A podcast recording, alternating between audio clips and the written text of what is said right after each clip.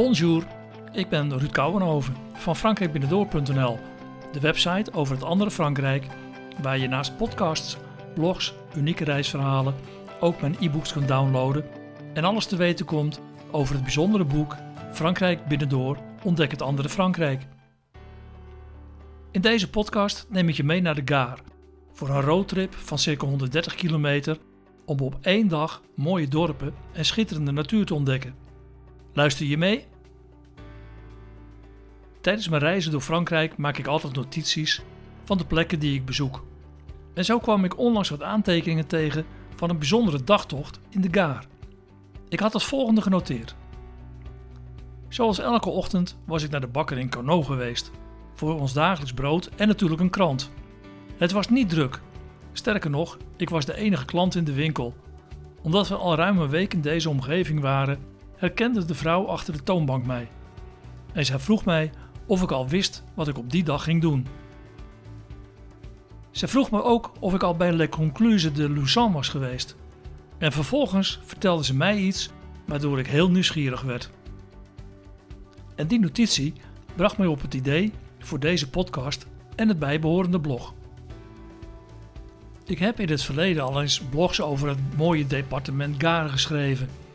Maar wat ik nog niet gedaan had, was een prachtige roadtrip van 136 kilometer door deze mooie omgeving helemaal te beschrijven. En dat maak ik dus met deze goed. Als je verder luistert of het bijbehorende blog leest, dan zal ik je mijn tips verklappen voor een onvergetelijke dag in de Gaar, waarin je tijd genoeg hebt om mooie plekjes te bezoeken. En het startpunt is het kleine plaatsje Gaujac, dat grofweg halverwege U6 en Bagnols-sur-Cèze ligt. De eerste stop is dan ook het dorpje Bagnols-sur-Cèze. Vanuit Gaujac kun je via Corneau over de D686 of de D5 naar Bagnols rijden. In beide gevallen eindig je bij het centrum van deze plaats en kun je een plekje voor de auto zoeken. Bagnols is een leuke plek om door de straatjes te slenteren en goed op de oude gevels te letten. Bagnols is de laatste 30 à 40 jaar wel behoorlijk gegroeid, maar het oude centrum is nog goed bewaard gebleven. De moeite waard dus om even te stoppen. En in dat oude centrum vind je rond de Place Malais, dat eigenlijk een oud marktplein is, elke woensdagochtend een supergezellige markt. Echt een aanrader om te bezoeken. Trouwens, als je een kunstliefhebber bent, dan vind je er ook een bijzonder museum, het Musée Albert André. Dit is gevestigd in het Hotel de Ville van de stad, het gemeentehuis dus.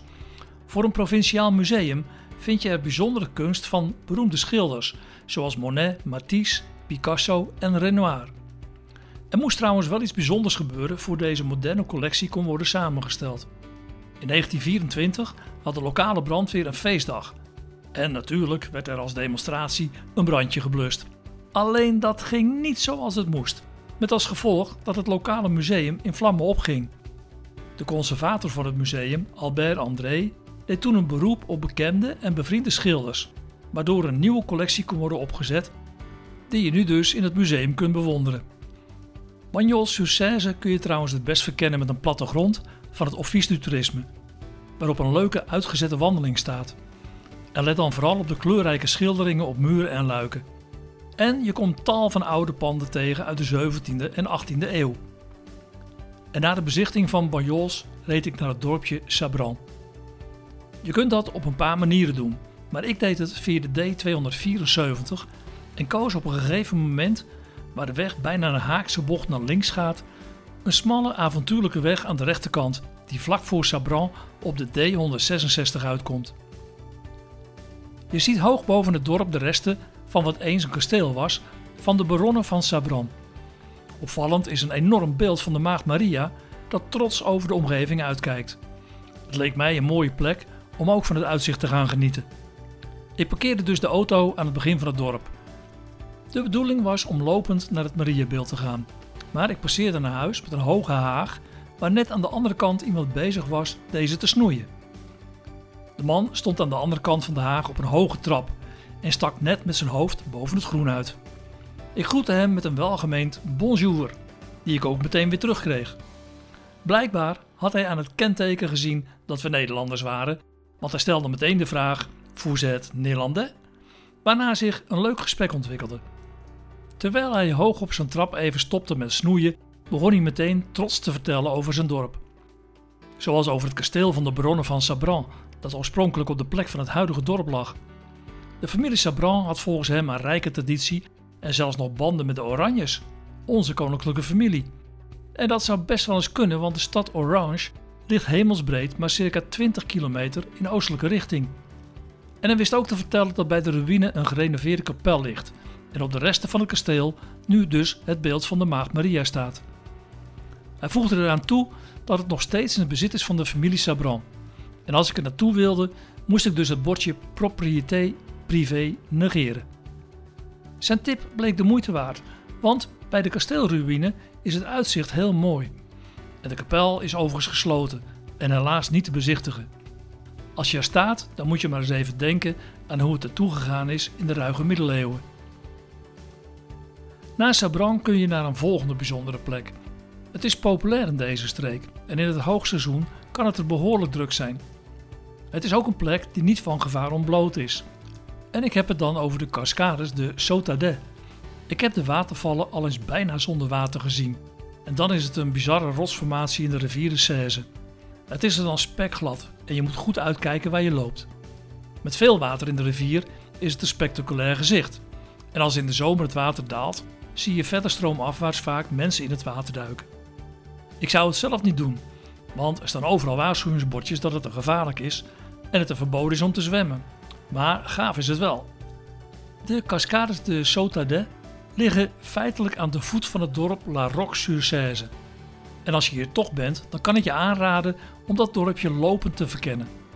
Ga dan over de oude keienstraatjes naar boven tot je bij het kapelletje bent, want daar heb je een heel mooi uitzicht op de omgeving. En als je hier bent uitgekeken, dan kun je een mooi plekje voor de lunch gaan zoeken en dat ligt iets verderop. Het is natuurlijk altijd leuk als een toeristenbureau of folders een plaats aanprijzen als het Venetië van de streek. Ik ben meestal wel op mijn hoede dan, en zo ook bij Goudarge. Het is naar mijn mening een niet terechte vergelijking met Venetië. Dat neemt niet weg dat Goudarge een leuke plaats is. Er is namelijk een eeuwenoude bron die via een kanaal richting de rivier de Cèze loopt. En in het dorp zorgen oude platanen voor de nodige schaduw. Het kanaal is ook meteen de plek waar van alles gebeurt in het dorp.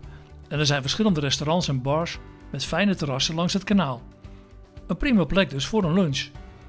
En wandel daarna even naar de bron. Deze is overdekt en je zult zien dat een hele grote kikker er de wacht houdt. Zo zie je in elk geval waar het water vandaan komt. En als je dan vanaf Goudarge even terugrijdt naar de D141, kun je een uitstapje maken naar het dorp Aigueze.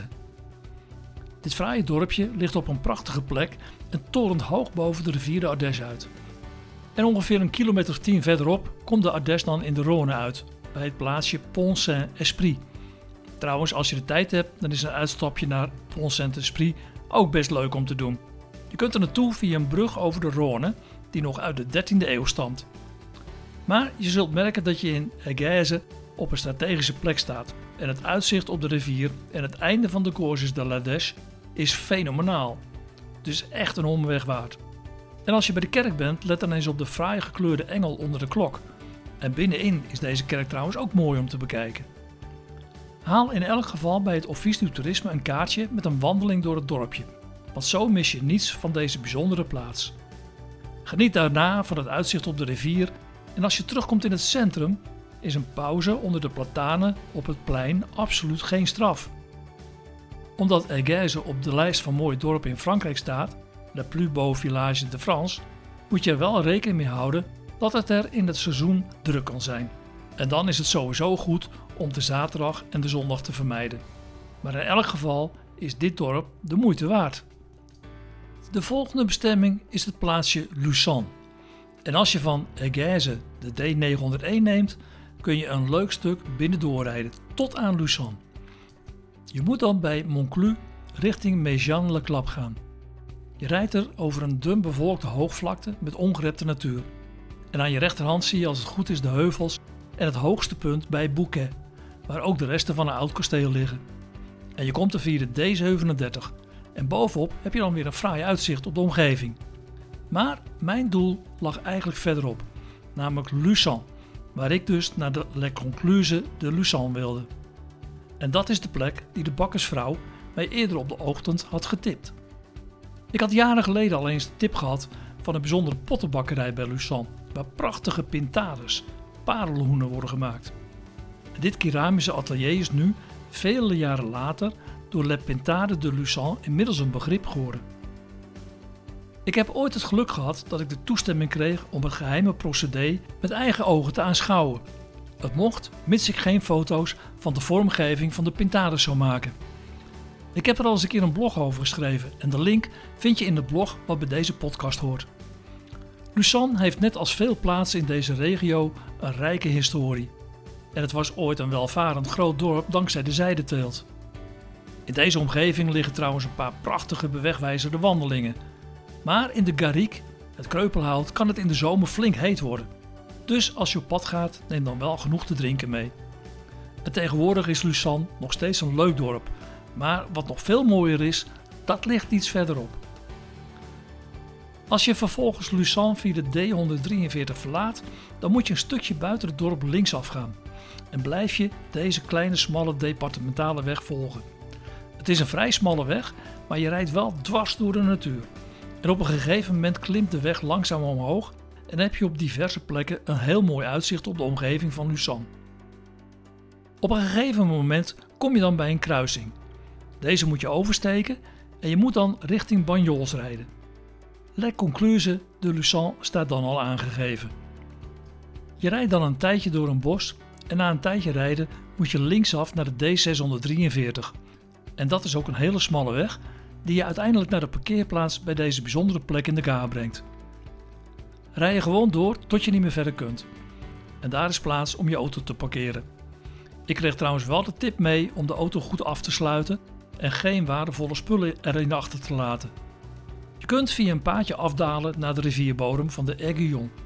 Deze rivier heeft in de kalksteen van de rotsen een diepe kloof gemaakt. En het leuke is dat de rivier tegenwoordig ondergronds loopt en de rivierbedding buiten de herfst en de winter meestal droog ligt.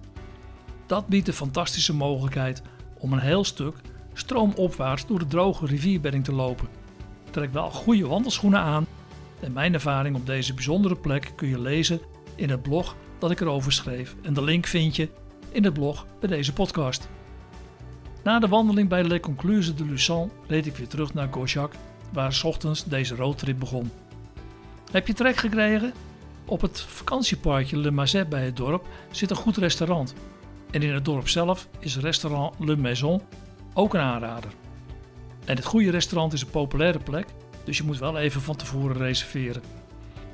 Ik hoop je bij deze roadtrip weer een mooie tip voor een dag in Frankrijk te hebben gegeven. In het bijbehorende blog vind je veel extra informatie en handige links voor een onvergetelijke vakantie in dit mooie stukje van de Gaar, dat ook nog eens heel centraal ligt om van alles te ondernemen. En je vindt het blog bij deze podcast op frankrijkbinnendoor.nl slash roadtrip-gaar. Oh ja, vond je deze podcast leuk? Wil je nooit meer een podcast met mijn tips over Frankrijk missen? Abonneer je nu gratis op Frankrijk Binnendoor bij Apple Podcasts, Spotify, Stitcher of Google Podcast. En je krijgt direct bericht als er een nieuwe podcast klaar staat. Je kunt er trouwens ook al mijn andere podcasts beluisteren, die je natuurlijk ook via Apple CarPlay of Android Auto in je eigen auto kunt beluisteren. Dus ook als je onderweg bent in Frankrijk. Tot mijn volgende podcast.